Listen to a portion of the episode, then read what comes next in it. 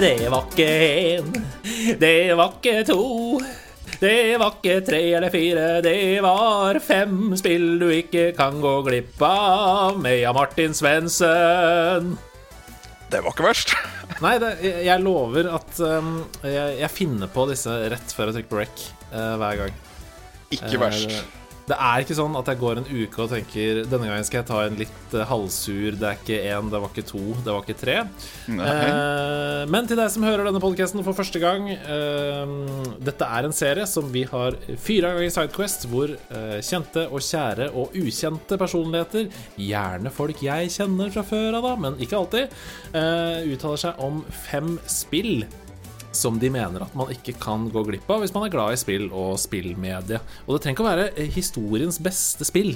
Eh, det er bare vedkommende som er med meg i dag, som har plukket ut av fem spill som eh, hen har lyst til å snakke om. Og som du sikkert fikk med deg av den introduksjonen her, så er jeg så heldig at jeg har med meg spillelsker, spillfantast, mannen med de ryddigste spillhyller jeg har sett, med oversikt over alle Snes og PlayStation-spill og alt som har kommet, Jan Martin Swensen!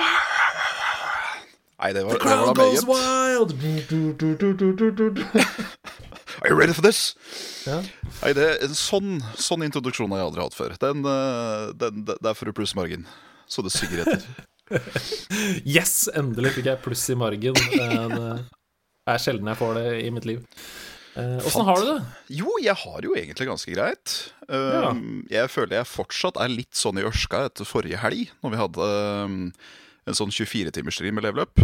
Ja, stemmer det. Du hadde litt sånn nattlig ansvar, du. Ja, det var jo da en firetimers Dark Souls-stream fra klokka tre til klokka sju på morgenen. Uh, det er jo det verste tidspunktet òg, da. Ja, det var, altså Nå er jo både jeg og Carl, og, og til, de, til grader Nick òg, er jo litt sånn nattmennesker. Men du merker det å Én ting er å være våken rundt i tider, en annen ting er å prestere. Ja, det er sant. Fordi det er jo sånn eh, Jeg har jo spilt litt sånn Vi har snakka om det i nederlandslaget før, men jeg har spilt litt sånn 24-timersløp i Gran Turismo og sånn. Ja. Eh, og den derre perioden fra 12 til 4 på natta, Mhm. den er ikke så ille. Nei. For da er du fortsatt på en sånn hype, og det er kvelden, og det begynner å bli natt, og det er litt gøy og sånn. Men når, når sola begynner å stå opp igjen, det er da det begynner å bli krise. Når overtrøtten bare går over til rein trøtt. Ja. Da er det, da er det seigt. Veldig seigt. Okay. for de som ikke kjenner deg, kan ikke du fortelle litt om deg selv? Fordi eh, du er jo åpenbart eh, en spillanmelder og eh, profil i Level Up Norge, men du er også tidligere programleder av eh, podkasten Saft og Svele, og så hadde du din egen YouTube-kanal som het Svendsen, som jeg ikke vet om er operativ ennå. Dægeren. Her, er- her har noen gjort leksene sine. Jeg er jo fan, da. Jeg har jo abonnert på Ah. kanalen i alle år, og ja, jeg har hørt masse på Saft og Svele, og det er klart. Å, slutt, da. Slutt, da. Jeg tåler ikke skryte. Eh, Nei ehm, Det startet jo egentlig eh, Nå husker jeg faktisk ikke når jeg begynte med YouTube. Um, men uh, skulle til å si stjernene skulle ha det uh, for seg at det var meninga at jeg skulle begynne med noe level up-greier. Visstnok. Fordi uh, jeg hadde lenge sett på uh, Skulle til å si insert game review-show her. Uh, John Tron, um, Angry Video Game Nerd, alle disse. Ja, Og blei veldig inspirert til å kunne prøve å gjøre noe lignende sjøl. Um, og da gjorde jeg jo det. Fyrte i gang uh, min egen anmeldelse av uh, da Star Fox 64 til ja, Nintendo 64. Mm. Seks år siden er dette, ja. Riktig. Uh, og mer eller mindre sekundene etter jeg hadde lagt ut den, så sier jo da uh, Carl og Rune at de trenger anmeldere til Level. Det er jo helt utrolig. Altså, skjebnen. Eh, Ja. for, de som, for de som tror på de greiene der, så Ja. er det jo mange Begynner å bli mange beviser. Ja, det, det er noen ganger du må liksom bare klø deg litt i huet og se litt opp mot stjernene liksom, og tenke Hm, hva, hva, hva, hva, er det, hva er dette? Hva er dette? Og så sendte du inn en fantastisk uh, søknad som jeg har sett mange ganger uh, Jo, på takk. YouTube. Det, uh, et av mine favorittklipp er når du sklir på isen ned bakken, selvfølgelig. Ja, godt på repeat i heimen, det. ja men det er gøy. Men, og da ble du ansatt samtidig som Frida, eller? Nei, Frida var jo vel en del av Kall det wave nummer to. Ja, stemmer det. Ja, det var litt tidligere. da-. Ja. Ja, det var jeg, og så var det ei som het Julai, og da Johan Kaos. Stemmer, det var den trioen der, ja. Det husker jeg. Nå Stemmer. jeg det. Eh, og så kom da Niklas etter hvert, og så kom Frida òg.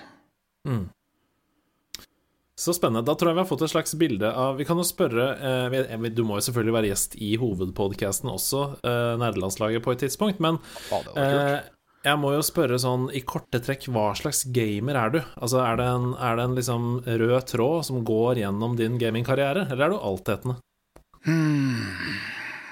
Jeg trodde en lang periode at jeg var ganske altetende. Jeg tror vel jeg til og med sier det i den der søknadsvideoen, at jeg er ikke veldig kresen. Uh, men jeg lurer på om jeg har blitt det uh, med åra. Ja. Uh, det, må, det må skje ting. Eh, det må liksom være bra med action. ja. Eh, og jeg må det, det må ikke være for smart for meg. Fordi jeg er en sånn en som tar eh, Kan fort bli veldig irritert og føle meg veldig dum når jeg ikke klarer puzzles Jeg skjønner. og sånn. Um, Så, så ikke The Witness, med andre ord? Nei, ikke The Witness. Jeg tar da heller puzzlesa mine gjennom combat, sånn som i Dark Souls og, Åmein. mine. Ja, Det er et godt bilde, på, fordi det er jo veldig På mange måter Mange har beskrevet det som en dans, men det er jo Ja. utvilsomt et slags puzzle, eh, de fightene der. Det er, eh, det er rytme, og det er, eh, det er absolutt taktikk for alle penga. Men du er, altså, du er en gameplay-gamer, egentlig. Ja, absolutt. Ja. Kan absolutt verdsette en god historie òg.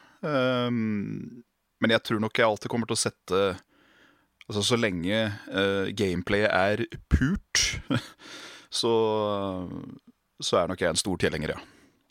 Ja, fordi der er nok vi ganske like. Jeg er veldig glad i historie i spill, jeg også. Eh, Men hvis spillet er kjedelig å spille, Ja, så Det er mister det på en måte litt sin funksjon. Da kunne det like godt vært en film eller en TV-serie, på en måte. absolutt. Ok, men la oss, eh, da har vi fått et godt bilde av deg eh, i denne første av to episoder som du skal være med i. Vi skal Ja. også, du skal jo også være med neste uke, det er vi veldig stoka på. Um, kos. men i, i denne serien så går vi da gjennom fem spill som du har valgt ut til å snakke om. Eh, Ja. Og det er en deilig spillsalat du har kommet med her. Og jeg, jeg tenker at vi begynner kronologisk. Så vi kan jo bare begynne på det eldste av dem alle. Ja. Og da skal vi tilbake til det herrens år 1995. Eh, post eh, Lillehammer-OL har lagt seg. Norge er i dvale og tenker på alle budsjettsprekkene etter Lillehammer-OL. Vi har ingen penger igjen. Alle sitter inne på sine Super Nintendoer og spiller Krono Trigger.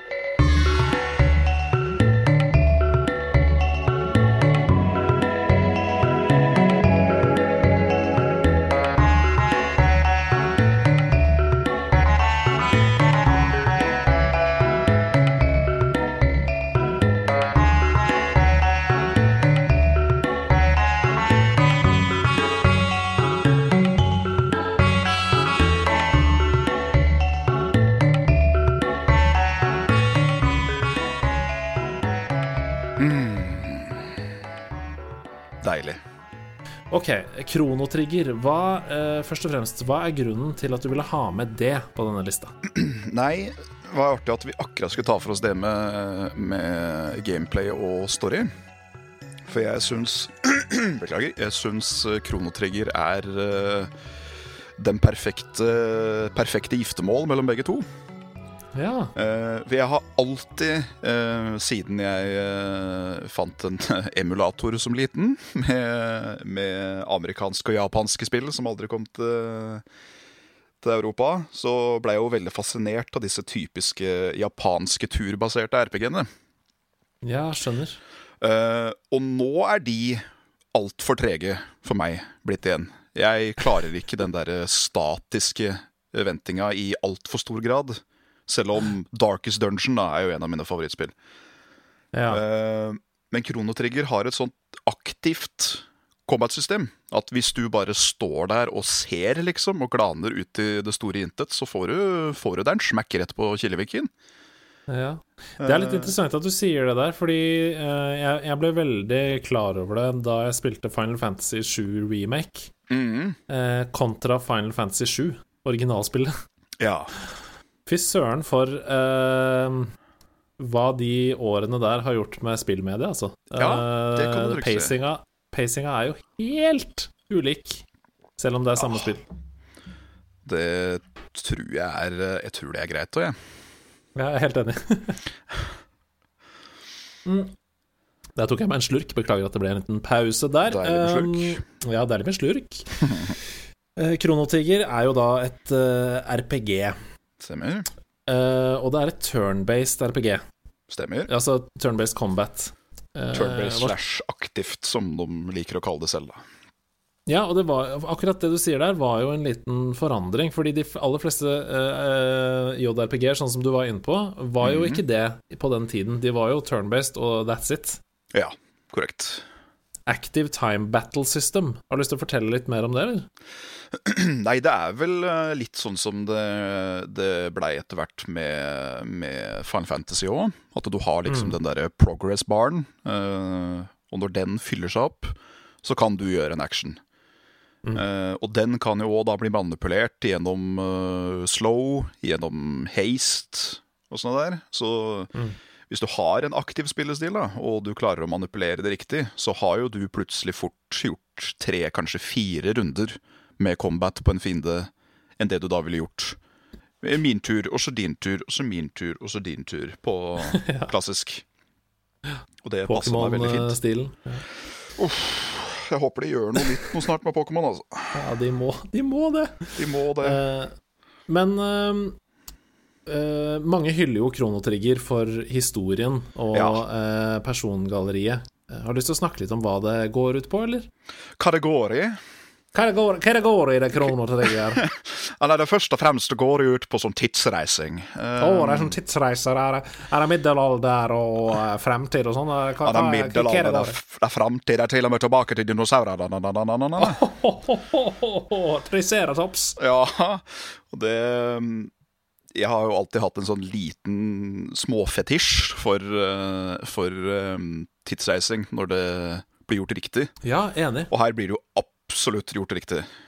Eh, For det kommer jo fram til at liksom det er noe som kommer til å rett og slett tilintetgjøre verden. Og så må du finne ut hvorfor, og hvordan kan vi stoppe det. Og hvordan du liksom da manipulerer tid og kommer til det samme stedet bare ti millioner år fram i tid, og så kanskje bare 500 år tilbake i tid. Det, det er så moro å se effekten av hva du gjør i de forskjellige tidsepokene. Ja, for det er jo på en måte alltid tankeeksperimentet i tidsreise. Det er jo sånn eh, Hva blir konsekvensene i fremtiden hvis jeg forandrer fortiden? Nettopp. Det er jo til og med en, eh, til og med en, eh, en boss mot slutten av spillet du kan drepe fem-seks ganger, hvis du da tar den i slutten av tidslinja først. For da eksisterer den fortsatt i fortida. Wow. Mhm. Det er ganske avansert til å være et spill fra 1995, ass. Det er det, men eh, når du ser òg hvem som er bak Kronetrigger, så blir du plutselig ikke så overraska lenger. For du har jo da Akira Toriyama, som er jo eh, tegneren bak Dragon Ball. Det er jo han som har lagd illustrasjonene. Og så er det jo Nobu Umatsu, sjølveste Final Fantasy-dirigenten sjøl, som har lagd all musikken. Så Ja, for den har jeg også hørt gjetord om, eh, Ja. Kronotrigger-musikken. Og jeg har, jeg har jo aldri fullført Kronotrigger, jeg har spilt eh, lite grann. Mhm. eh, men jeg har hørt mye på soundtracket, for det er jo ja, det er jo fantastisk, men jeg har jo ikke noe dypere forhold til det enn bare min én-til-én lytteropplevelse, så jeg ser jo for meg at folk som har spilt gjennom det og kommet til steder hvor musikken passer perfekt inn i gameplayet, har jo et enda, eh, en enda sterkere connection da, til musikken. ja, det, jeg merker allerede nå, bare når vi prater om det, at det går liksom Det går et par striper med kaldt nedover ryggen eh, på et par scener. Det er så deilig når kunst kan frembringe de følelsene. Det er fantastisk. Eh, det ble jo ekstremt godt mottatt da det kom. Det ble det. Raska med seg høye karakterer og eh, alt Altså priser overalt. Eh, og var jo en bestselger i Japan. Mm. Eh, Men dette er jo ikke på en måte eh, rollespill som vi var sånn veldig åpne for i Vesten på det tidspunktet. Nei, det kan du si. Eh, hvor, hvorfor tror du det likevel ble en suksess i Vesten? Jeg lurer på om det igjen var liksom eh, pakka Ja. som det spillet utgjorde. At det, det var Det hadde jo en latterlig pen grafikk til å være et snespill. Sterke, klare farger, veldig klare, eh, identifiserbare rollefigurer. Eh, Ja. En story som er dyp, men lett å følge med på.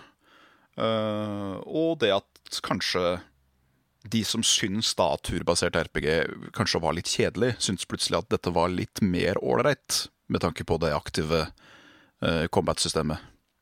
Ikke sant. Nei, Det høres ut som en god oppsummering for meg, altså. Kronotrigger, uh, hjertelig takk til deg.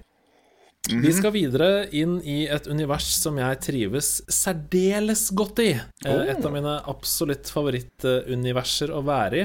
Jeg har et eh, begrenset egenopplevd forhold til dette spillet, eh, da mitt kjærlighetsforhold til serien begynte med et senere spill, men jeg vet jo at jeg må spille dette spillet, og jeg vet at jeg i hvert fall må spille det når det kommer i opposite versjon, såkalt Skywind. Jeg snakker om The Elder Scrolls 3 Morrowind.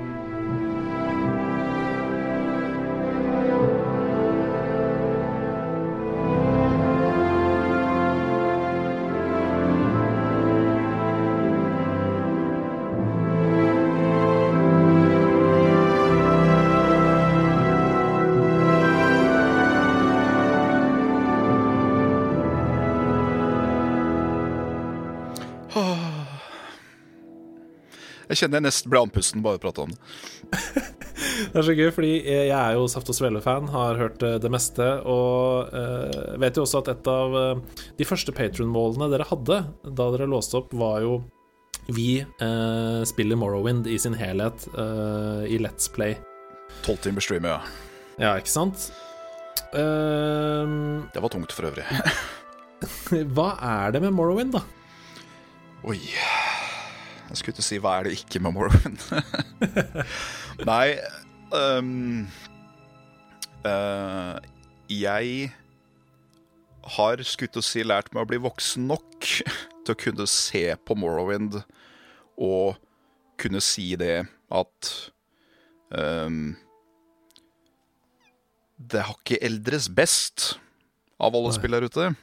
Uh, og selv om jeg ser på det som mitt uh, hjertebarn, så kan jeg også skjønne hvorfor det kan være litt vanskelig å gå inn i, med tanke på hvor skulle du si eh, terningkast, Dungeons and Dragons, pen and paper, combaten er, og, og alt sånn, kontra hvor direkte den er i både Oblivion og Skyrim. Mm. Men eh, det er vel det spillet i serien som har liksom den mest alien-aktige verden.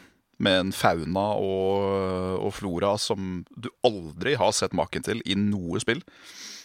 Ja, den er ganske crazy, ass. Sånne bøyde trær og veldig sånn eh, bru, brungulaktig feeling. Mhm.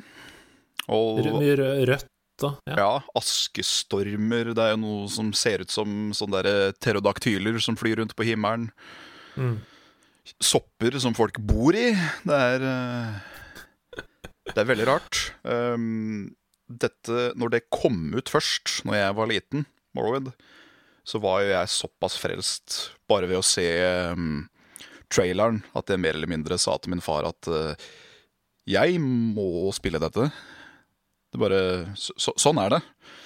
Og da fant vi ut at det puslete lille stakkarslige grafikkortet jeg hadde på PC-en min, det kunne jo ikke kjøre Morrowind. Ikke på, ikke på low engang. Det var ikke snakk om. Så da måtte faren min eh, prate med min fetter, som var quite the computer whiz, og måtte eh, få han til å diske opp med noe grafikkort og rambrikker og div, så jeg kunne pimpe opp PC-en min, så jeg kunne spille Morrowind for Lodge. Det er nydelig. Uh, hvor gammel var du på det tidspunktet? 2002? 2002, skal vi se. Jeg er 89-barn da. Uh, Ja. 13? 13. Ja. ja, det høres riktig ut, det. Cirka like gode i hoderegning der, altså. ja, matte var aldri min uh, forte. Men uh, ja, du snakka jo litt om denne combaten i stad. Men skal vi Ja. bare begynne med uh, Skal vi begynne med hva slags spill det er, eller? Hva, uh, Ja. hva, hva er målet ditt i Morrowind? Hva er det du gjør? Hvem er du? Hvor, hvor skal du? Nei, som alle de her eh, Elder Scrolls-spillene, så er det jo en profesi som må oppfylles, og du er den utvalgte, og blæ, blæ, blæ. Uh, I Skyrim er du The Dragonborn, i Oblivion så er du Ja, det er et godt spørsmål. The Hero of Kavach, tror jeg. Og så i Ja. Morrowind så er du The Neverine. Mm. Uh, så det er liksom Du har veldig store sko å fylle, men hvordan du fyller de, det er litt mer opp til deg sjøl. Jeg Mm. veit jo at hovedstoryen i Morrowind kan du jo fort spille igjennom på kanskje tre timer. Eh, Ikke sant? Men det er det med, med levels og sånn, da. At det kan hende du, eh, du kan slite litt med siste bossen hvis du møter opp i level 10. ja. Eh, selv om okay. det er helt fint mulig å lande hos han, hvis du bare plukker opp de der bøkene som er rett ved siden av starterplassen, hvor du får sånn 20 000 i acrobatics for eh, 30 sekunder. Da kan du bruke den to ganger og hoppe rett til siste bossen, og så kan du gå rett inn. Nei, det føles jo litt um, uh, Hva skal jeg si uh, Som Breath of the Wild òg. Det føles litt givende at du på en måte kan gå til siste boss ganske Ja. med en gang. Jeg er veldig glad i sånn gammel jank. Mm. Sånn som uh, liksom ikke er, ikke er nødvendigvis game-breaking fordi det er dårlig eller buggy, men liksom at det finnes et system som ikke nødvendigvis er optimalisert, og som kan utnyttes, akkurat som det Morrowind kan. da. Det, jeg syns det er sjarmerende som juling. Jeg er helt enig i det, og det er jo en uh, gjenganger i Bethesda-spill. Uh, både i Fallout og The Elder Scrolls-serien så er det jo liksom De første månedene med, med bugs er alltid morsomt. Hva er det sier for noe? Det er ikke bugs, det er features, sier Todd Howard. Det er features. det er akkurat det han sier. Ok, men du var inne på combaten. Nå har jeg aldri spilt Morrowind, jeg har bare sett på andre spille det. Eh, Ja. hva, skiller, hva skiller konkret combaten i Morrowind fra f.eks. Skyrim, da? Som sikkert mange av lytterne er mer kjent med. Ja, Uh, Norway Simulator. Um, nei, når du, når du faktisk skyter på en fiende med pil og bue, eller dasker de med en økssverd eller uh, hammer i Skyrim, så er det jo umiddelbar impact. Mm. Så lenge du treffer, så treffer du. Eh, men i Morrowind så er det litt mer sånn pen and paper, eh, throw of the dice-opplegg. At hvis du har Hvis du bruker et våpen da som du ikke har så veldig mye skill i å bruke, så er det da et terningkast på om du i det hele tatt treffer. Ok, så du kan hit or miss, rett og slett, Ja. ut fra din, eh, ditt skill-nivå? Du kan whiffe fullstendig. Sjøl om du står der med en eh, tohåndshammer og smeller ned på en liten rotte, så kan du slå tre ganger på rad og bomme. Ja, det er jo litt eh, Det gir det jo en del mer dybde, da, vil jeg si. Ja, for mange kan det nok virke veldig sånn uncanny. Litt sånn Hva er det her? Når du først er vant med de seinere eller Scrolls. Men mm. så er det jo sånn da at når du først får skill-levelene dine opp, så begynner du jo å slå også som en monster truck. Og da er det jo sånn at du slår folk så hardt at de detter ned på kne, liksom. Da, da, da begynner du å kjenne at hm, det, det, det er noe her. Nei, det er veldig gøy, altså. Uh, det, jeg har jo snakket litt uh, Eller vi har jo snakket med mm, folk tidligere i nederlandslaget om forskjellen på eh, Man bruker jo gjerne, eller i hvert fall vi bruker gjerne Skyrim som utgangspunkt, siden det er det folk er mest eh, kjent med, og så sammenligner vi det med andre spill i serien. Og Ja. folk sier jo at eh, i motsetning til Skyrim så har valgene dine reelle konsekvenser i Morrowind. ja. Har du lyst til å si jo. litt om det, eller? Uh, altså, for å, for å um, For å bli, da, den utvalgte i Morrowind, så må du gjøre veldig mye for verdenen, så at den på en måte skal uh, ralliere seg bak deg, når du da til slutt endelig går for the big finale. Mm. Og da er det jo da er det mye politikk, blant annet, som du må involvere deg i. Eh, Du må velge liksom et politisk hus, eller et, et parti, om du vil. Eh, Og hva du gjør for de, og hva du gjør for enkelte gylder, vil ha en veldig stor konsekvens igjen for andre gylder. Ja, Så for eksempel um, uh, Hvis du kjører da The Fighters Guild i Morrowind, så kan du fort slite litt med å være på godsida til The Thieves Guild etter hvert i Morrowind. Nettopp, ja. Rett og slett for at de eh, de, eh, de, de, de spiller ikke på samme lag. Spennende. Så det blir mye sånn du, du må hvor, Hva er hjemme for deg, på en måte? Og så må du bare go for it. Ja. Bare, eh, half measures fins ikke i Morrowind. Jeg kjenner jo at jeg er litt sånn konfliktet rundt det der, fordi uh, meg selv, som er veldig, veldig glad i uh, TV-spill, eh, liker det jo ekstremt godt. Fordi jeg tenker å, da blir det masse replayability, og du kan begynne på nytt igjen og gå en helt annen vei. Eh, Ja. Og prøve andre måte, veier til målet, og se hva som skjer da. Blir du utelukka andre steder, etc. Men Mm. jeg skjønner jo at spillutviklere i 2020 ikke ønsker å låse innholdet de produserer, uh, sånn at spillere som faktisk bare spiller gjennom spillet én gang, uh, og la oss være ærlige, det er ganske stor del av spillebasen, Ja. gå glipp av innhold, da. Ja. Det er, eh, skulle du si, både synd, men også veldig forståelig at det er sånn. Mm. Eh, Så det, det får vel bare være et tveegga sverd om man velger å gjøre noen smådypp i det eller ikke. Helt avslutningsvis, eh, vet du hvordan det går med Skywind-prosjektet nå, eller? Vet du hva, jeg, jeg har ikke holdt meg veldig oppdatert på det. Annet enn at jeg har sett, uh, fått servert noen modeller av eh, fiender og NPC-er og locations. Og eh, såpass kan jeg si, da, at rent visuelt sett så ser det jo helt vanvittig ut. Mm. Selv om uh, du kan få Morrowind til å se temmelig vanvittig ut med en HD texture pack, altså. Det, Det det kan si. plutselig bli det spillet som krever mest av PC-en din. Ja. Nei, jeg så Jeg ser her nå at den siste traileren som ble releasa, var i januar 2020, så vi kan jo oh, ja. tro at det ikke er så lenge til. Nå har man sikkert hatt litt ekstra tid, eh, fritid også, i løpet av dette siste året. Ja, i disse tider. Ja, så vi får jo håpe at det er rett rundt hjørnet. Da, når det kommer, så skal jeg spille Morrowind i Skyrim-drakt. Oh yeah. Ditto.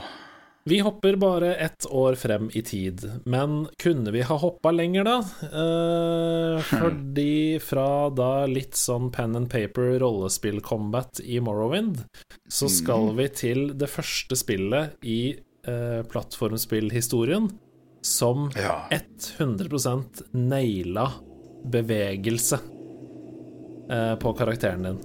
Jeg snakker selvfølgelig om et av verdenshistoriens aller beste spill. Eh, Nintendo 64-klassikeren Super Mario 64.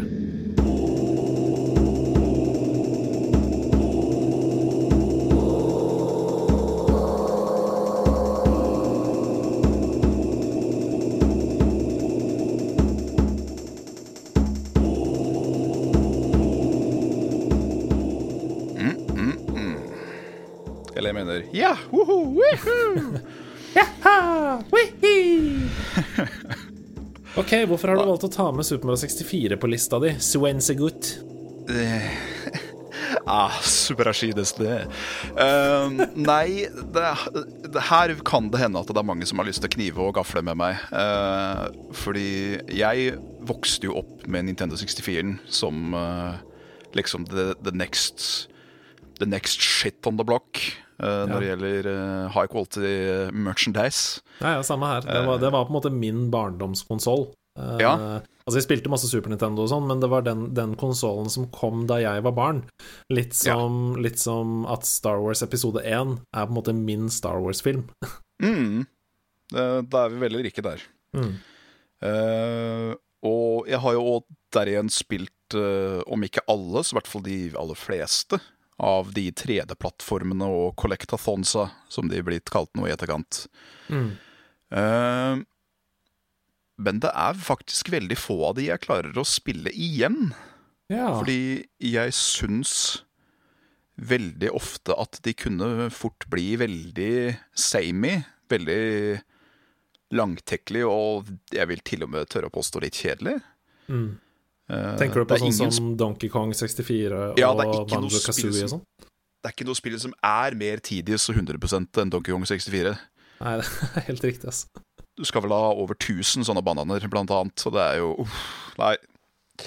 Det, er ikke, det er ikke innhold, det er bare lagt Nei, der for å forlenge nei, det opplevelsen.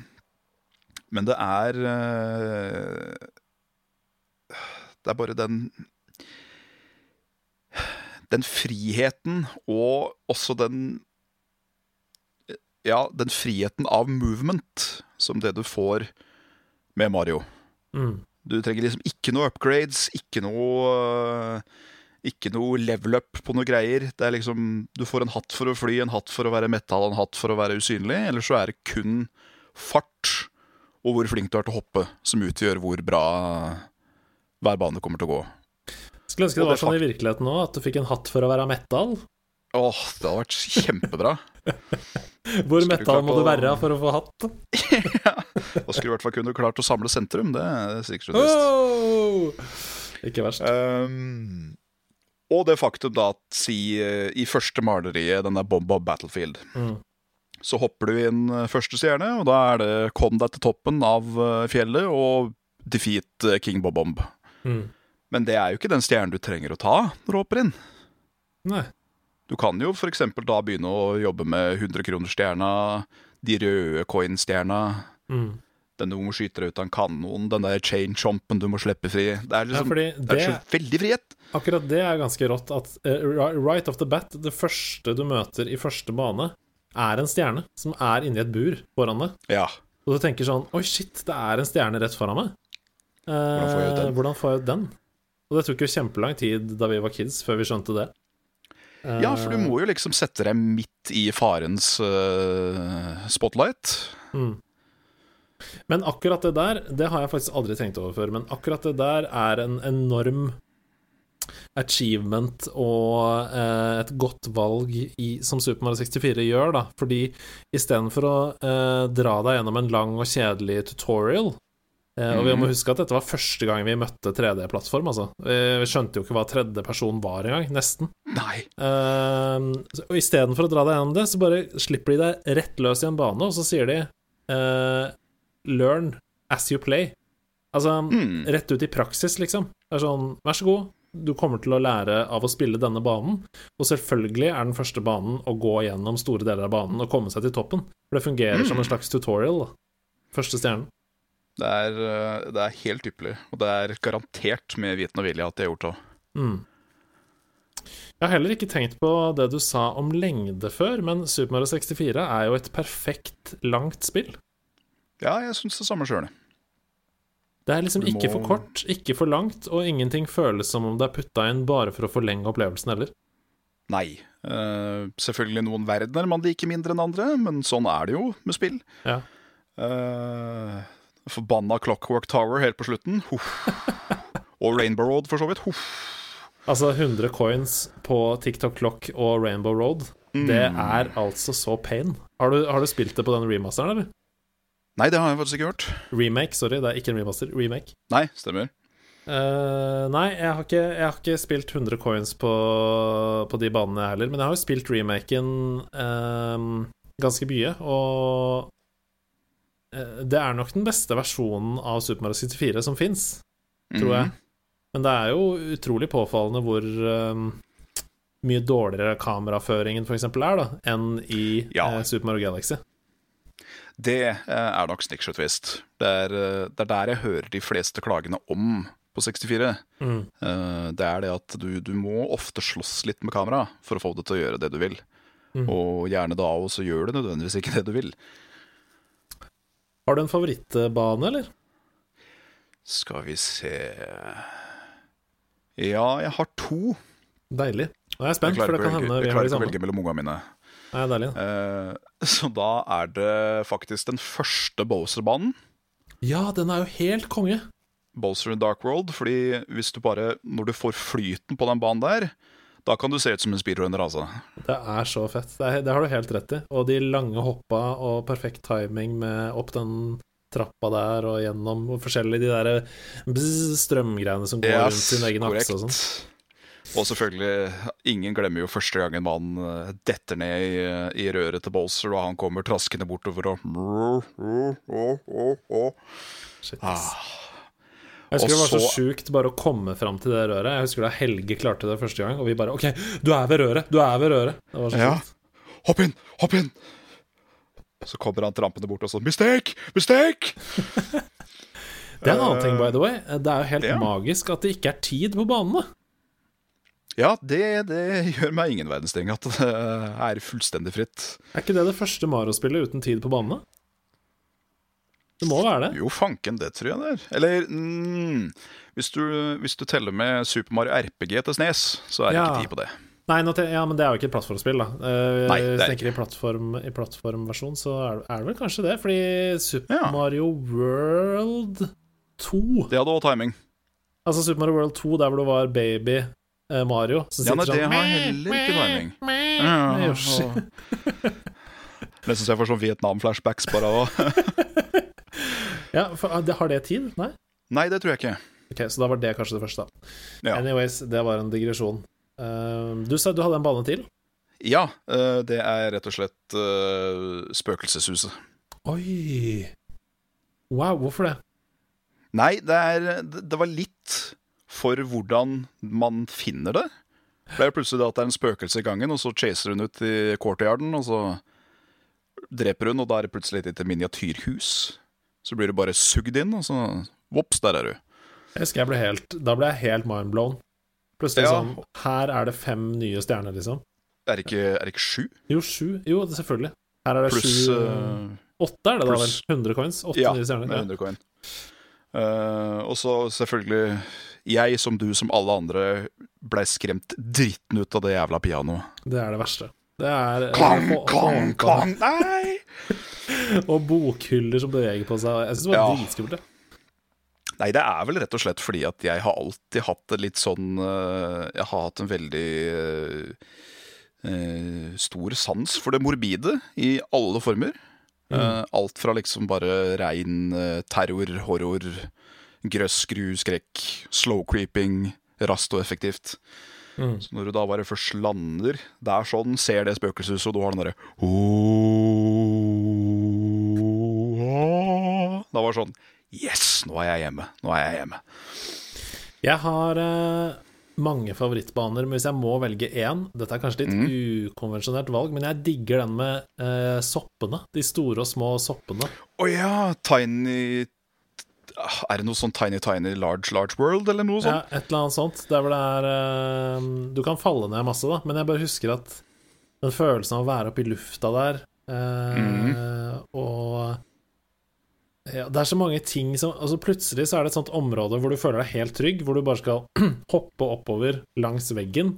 Du spretter med noen sånne spretterting oppover langs veggen og sånn. Stemmer. Jeg husker jeg bare digga den banen helt uh, rått, ass. Også den hersens apekatten. Ja, selvfølgelig. Ok, vi må videre. Uh, Super Yes. 64 er et magisk spill. Tusen takk for at du tok med det. Vi hopper ganske mange år frem i tid. Uh, og dette Ja. spillet vet jeg jo uh, ved å være en stalker, uh, eventuelt eh, at du er en offentlig person, og jeg har fulgt med på innholdet du har produsert, så vet jeg jo at du har et eh, nært og kjært forhold til eh, det neste spillet, og at eh, du nesten har brukt det som et sånn langdistanseforholdsspill. Eh, den 16. mai 2011 så kommer Terraria.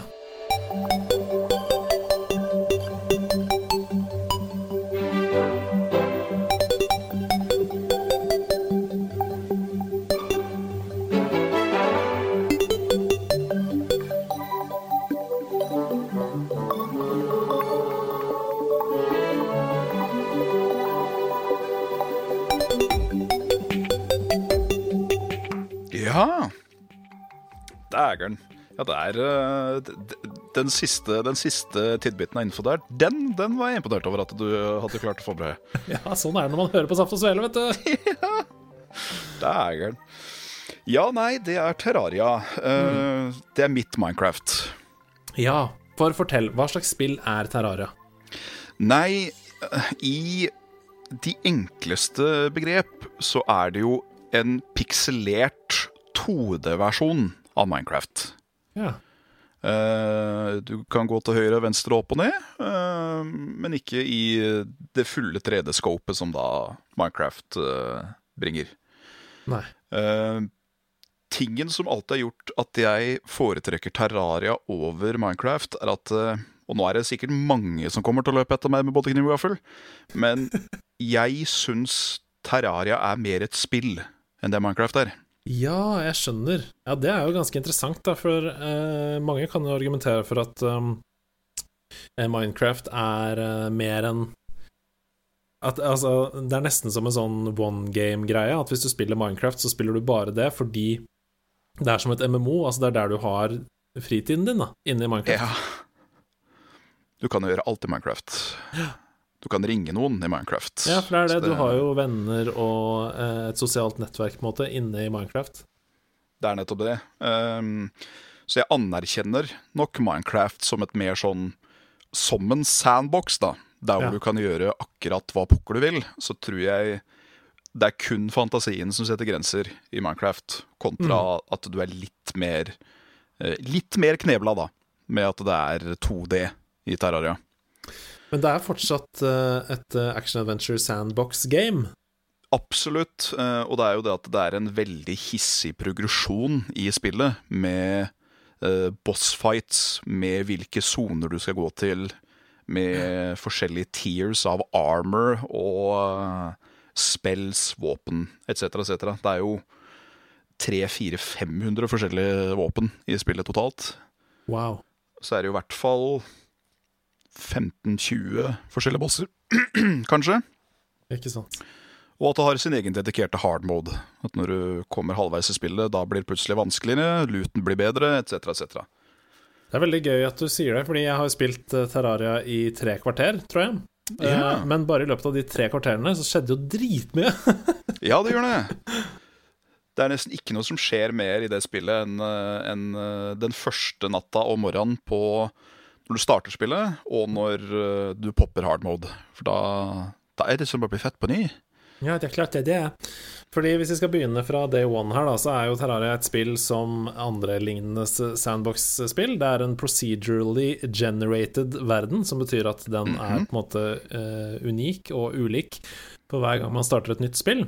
Korrekt. Eh, og så er uh, på en måte Poenget er jo da å overleve i denne verden og ek, altså, hva heter det, explore. Um, utforske, bygge, crafte, fighte, og da mine òg, da, sånn som man gjør i Minecraft.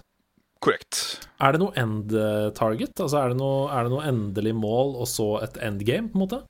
Ja, altså det, du har jo ikke den, eh, den defi, definitive superabstrakte endinga som Minecraft har. Det har du ikke. Mm. Du får ikke, du får ikke en credit-tekst, det gjør du ikke. Men det er én siste boss. Ja, det er en ender dragon, liksom. Ja. Eller uh, The Moonlord, som han heter i Terraria. Ja, fortell. Eh. Hva, hva, ok, hvordan, hva må til for å komme seg til Moonlord, og um, hvem er det i Lauren i det spillet? Det er, eh, det er ganske mye som skal til før du går dit. Uh, Men det viser seg jo etter hvert at du slåss mot veldig mange Kall det litt sånn fleshy skapninger. Første bossen heter Eye of Cthulhu, eksempel, som bare er et uh, kjempedigert, blodig øye, som også får tenner etter hvert. Som spytter ut mindre øyer ut av seg sjøl. Fantastisk. Eh, og da viser det seg jo det at alle de vesenene er blei skapt av en gudeskapning, og det var jo The Moonlord. Selvfølgelig. Eh, så helt mot slutten så skal du eh, Må du drepe noen kultister, som er liksom lederen for hele hans religion. Og når de er blitt tatt, så åpner det seg fire pilarer som strekker seg utover hele mappet. Og når de fire er ødelagt, så får du en liten melding som sier 'The impending doom approaches'. Og da Da smeller det.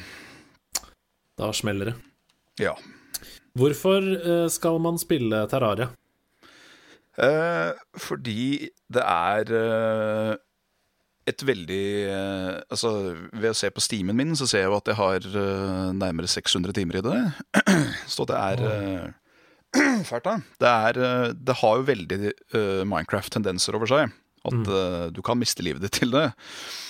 Så det er et veldig sånn deilig og behagelig spill å spille bare i eh, 15 minutter eller fire timer.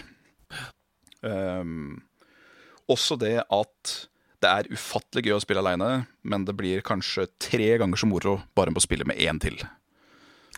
Det er eh, en forlokkende pitch, det må jeg bare si med en gang. Ja, men det, det, det høres på mange måter ut som et litt sånn spill à la Åh, uh, oh, nå mista jeg den. Uh, Bondegård-spillet. Uh, Farming Simulator? nei. nei. nei. Uh, hva heter det, da? Det, altså, OK, jeg kan si Harvest Animal Nei, jeg kan si Animal Crossing, da. Ja. Eller um, Du vet jo hva jeg snakker om. Um, Stardew Valley. Stardew Valley. ikke sant? Et spill man setter seg ned med og bare for å slappe av, for å tømme hodet litt. Ja. som du kan være i, i et kvarter hvis du trenger det, eller tre timer hvis du trenger det, liksom. Korrekt. Samtidig som jeg eh, går ut fra at det skjer ganske mye mer da, i Terraria enn det skjer i f.eks. Stardew Valley. Ja, og det er jo noen bosser som er så vanskelig at du, du trenger nok et par runder for å i det hele tatt klare å ta dem. Men uh, det er litt av sjarmen nå. Hvis vi ikke skal sitte her til i morgen, så tror jeg vi skal gå videre til det siste spillet du har satt på lista di. Og uh, dette her er du jo ikke alene om å elske. Det er mange av uh, gjestene vi har hatt i nederlandslaget som trekker det fram som et av sine favoritter, og så er det mange som trekker det fram som det motsatte. Et av de verste ja. spillene vi vet om.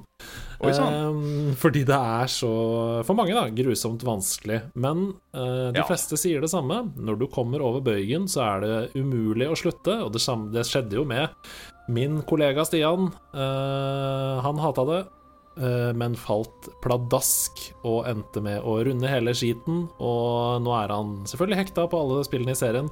Jeg snakker om 24.3.2015, Bloodborne.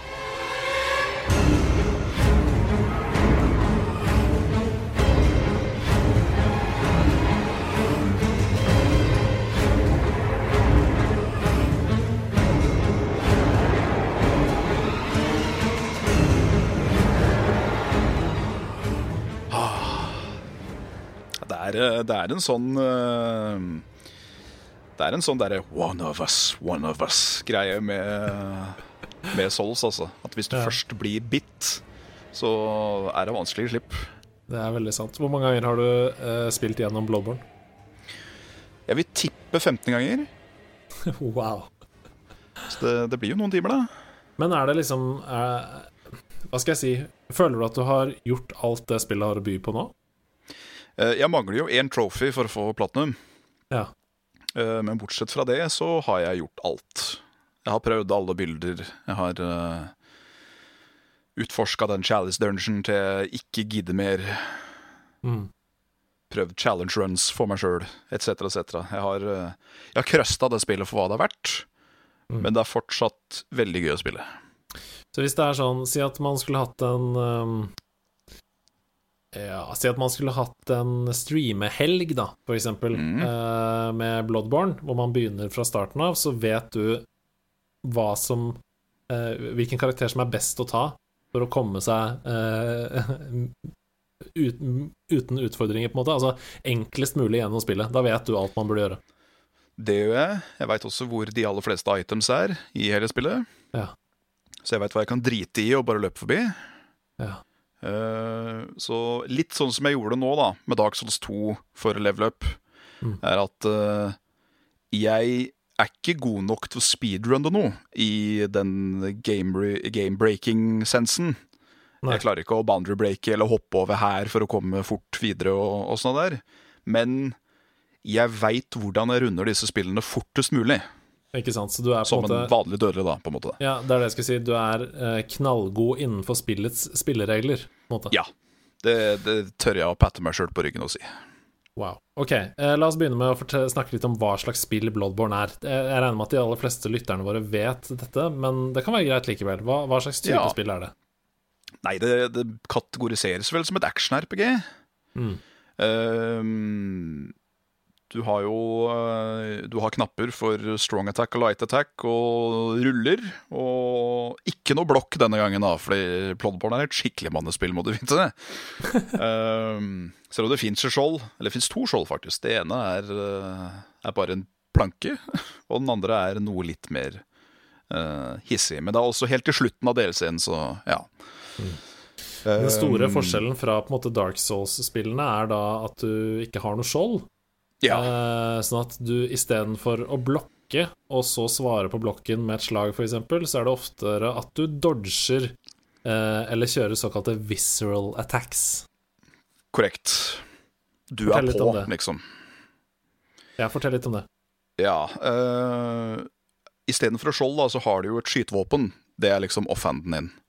Mm. Uh, og den fungerer jo som det å parrye i Souls. At uh, skyter du dem i akkurat riktig tidspunkt, så detter de ned på kne, og da kan du gi dem en god gammel nevaburger i magen. uh, men Er det ekstra sås på den burgeren, eller? Masse sås. Det er uh, skikkelig sprut med barbecue.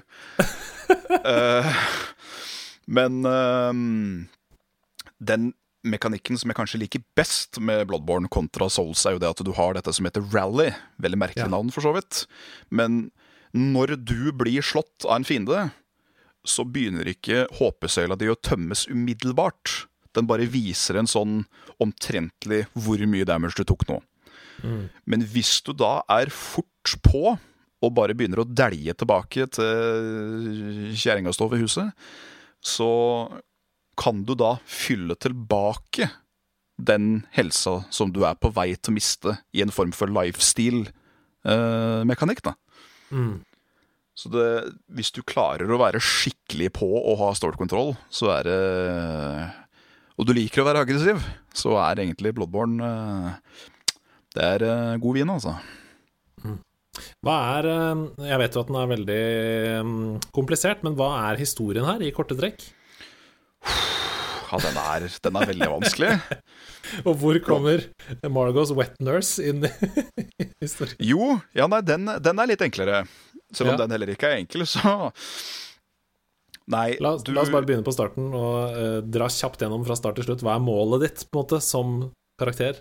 Ja, nei, du får jo en veldig, veldig vag uh, pekepinn om hva det er du skal. Du, du, kom tydeligvis da til byen Jarnum fordi du er sjuk. Ja. Uh, og for å helbrede denne sykdommen, så fikk du da en blodtransplantasjon. Som Jarnum er da kjente for, å ha noe ganske potent blod. Mm. Uh, men etter du våkner opp fra det, så er jo da skulle stilegen er død og borte, og du bare ser et papir på en benk som sier 'Seek the pale blood to transcend the hunt'. Da klør det litt i panna og tenker 'jaha, ok'.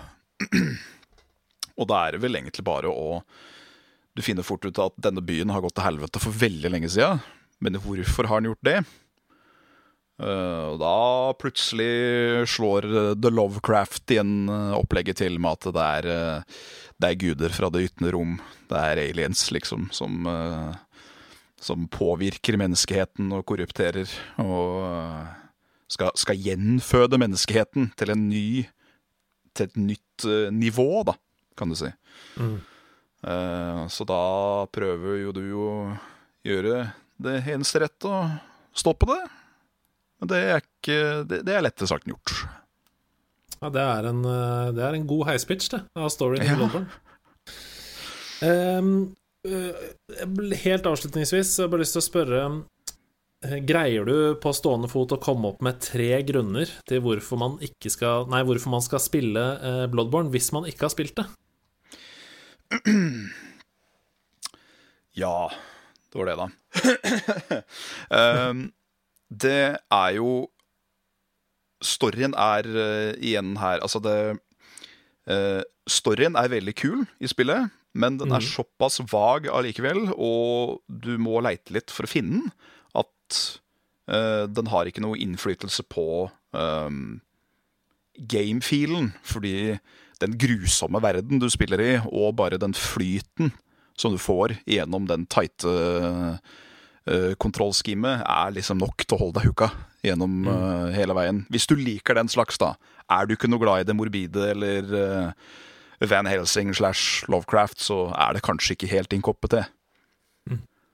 Um, nå sa jeg vel for så vidt den ene grunnen, så jeg, jeg sier den igjen. på å si. Ja. Det er det at Uh, som vi nevnte tidligere, Soulsborne Sekro, vær så god, det er jo veldig Det føles som en dans å spille det. Mm. At det har en rytme. Det er uh, det er uh, dansetrinn å lære for hver enkelt fiende. Og når du kan de, uh, så blir det også mye lettere da, å deale med enhver situasjon. Mm. Um, og uh, selv om det kan være litt av en task å gjennomføre, så er allikevel kontrollen, da, så når du først har den kontrollen i hånda, så er den veldig intuitiv og veldig lett å lære seg. Du, uh, du sitter liksom ikke og trykker på feil hele tiden, føler jeg. Fordi Nei. det kommer veldig sånn selvsagt inn i hendene dine veldig fort hva hver knapp gjør. Uh, med mindre du har spilt noe med den eksakt samme kontrollskimmen da, rett føre, bare at det er én knapp som er forskjellig. F.eks. For Breath of the Wild eller noe sånt. ja. og eh, det at det er veldig mange måter å spille på. Uh, har du lyst til å være rask og, og smidig, eller har du lyst til å være stor, tung og veldig heavy-hittende, så er det liksom Det er noe for alle og enhver. Uh, ikke nødvendigvis at alt er like bra, men uh, selv, en, selv, en, skje blir et dødelig våpen i en mesterskjener. ah, det er deilig. Uh, jeg tror vi skal runde av der. Tusen hjertelig takk for at du dro oss gjennom alt fra Kronotrigger til Bloodborne. Uh, du som har hørt på, du har fått fem spilltips du ikke kan gå glipp av. takk for at det var dine tips, svensegutt. Og det var så hyggelig. Og så ses jo vi igjen, uh, i hvert fall høres igjen, uh, allerede om en uke, vi. Det gjør vi, vet du. Ha det bra, slabaisi! Ha det bra.